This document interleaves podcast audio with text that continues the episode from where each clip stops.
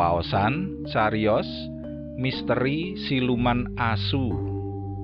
Seratan Haryo Bahtiar Muslim. Gedong sungsun telu kuwi katon medeni yen disawang. Apa meneh wayah bengi kaya ngene iki? Temboke wis padha lumuten. Cete kusem wernane Jendela lan lawange kebak klamat kala mangga. Dene plafone kanggo susuhe lawa. Ambune ruangan apek ndulek irung. Ketambahan hawane atis gawe gitok merinding. Robet sing ngadeg ing ruangan lantai siji kumudu ora betah karo ambune telek lawa. Weteng munek-munek cangkem mungkuk-mungkuk dheweke kepingin enggal metu nanging dipenggak dening Draco Wulung taun kepungkur, gedhong iki penginepan sing rame. Tamune sasat ora tau sepi. Ujare Kansaki sing minangka warga daerah kono. Nanging sakploke ana kedadian gegirisi kuwi, Paklikku wis ora tau ngurusi usaha penginepan iki meneh. Kedadian gegirisi apa kuwi?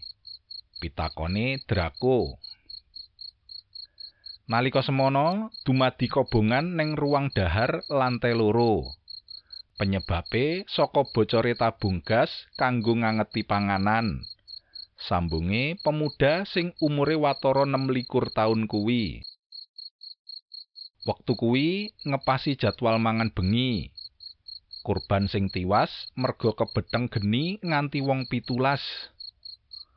Oh, Dadi Mister Sakasuki sing duwe gedhong iki paklikmu to? Robert nerambul. Bener, Mas. Nanging paklikku mau wis tinggal donya limang wulan kepungkur. Merga gerah kanker paru-paru. Kedadian mistis apa sing sering kelakon ing gedhong kene sawise mataun-taun ora dirumat? Draco penasaran. Kansaki banjur cerita yen saben wong sing kebener liwat kiwa tengene gedhong jenggarang iku ing wanci surup mesti mambu gondo sedepe masakan sing nyogrok irung nanging nglanjak tengah wengi ambu masakan mirasa iku ilang ganti keprungu swara sesambat njaluk tulung binarung pating grubyake meja numplek lan pecahe piring serta gelas pating grumpyang. Kaya-kaya nuduhake kahanan sing lagi panik. Nanging ora cetha saka ngendi asale swara-swara aneh mau. Saka sakabehing kedadian mistis ing jero gedung kuwi, miturut Kansaki, ngatonake siluman asu sing paling kawentar. Piye maksudmu siluman asu kuwi? pangoyake Draco. Kansaki banjur njlentrehake yen biyene Mister Sakasuki ngingu asu minangka kelangenan. Sakasuki tresna banget marang asune. Mula anggone ngopeni uga kanthi gemati. Nanging, mbuh, piye mula bukane? Kok kewan kuwi munggah menyang ruang mangan lantai loro nalika kobongan dumadi. Tundone asu ules ireng iku katut kebeteng asep lan geni enggo dadi lan tiwase. Sabubare kedadian gegirisi kuwi, bangkene asu ingon-ingon tinemu pereng.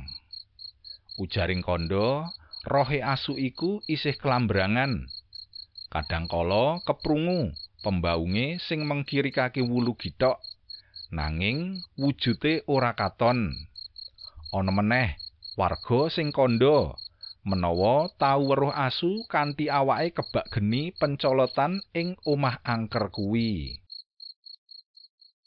Para miyarsa, kados pundi cariyos candhaipun? Sumangga kula aturi pinarak wonten channel YouTube Radio Siaran Jawi. Matur nuwun.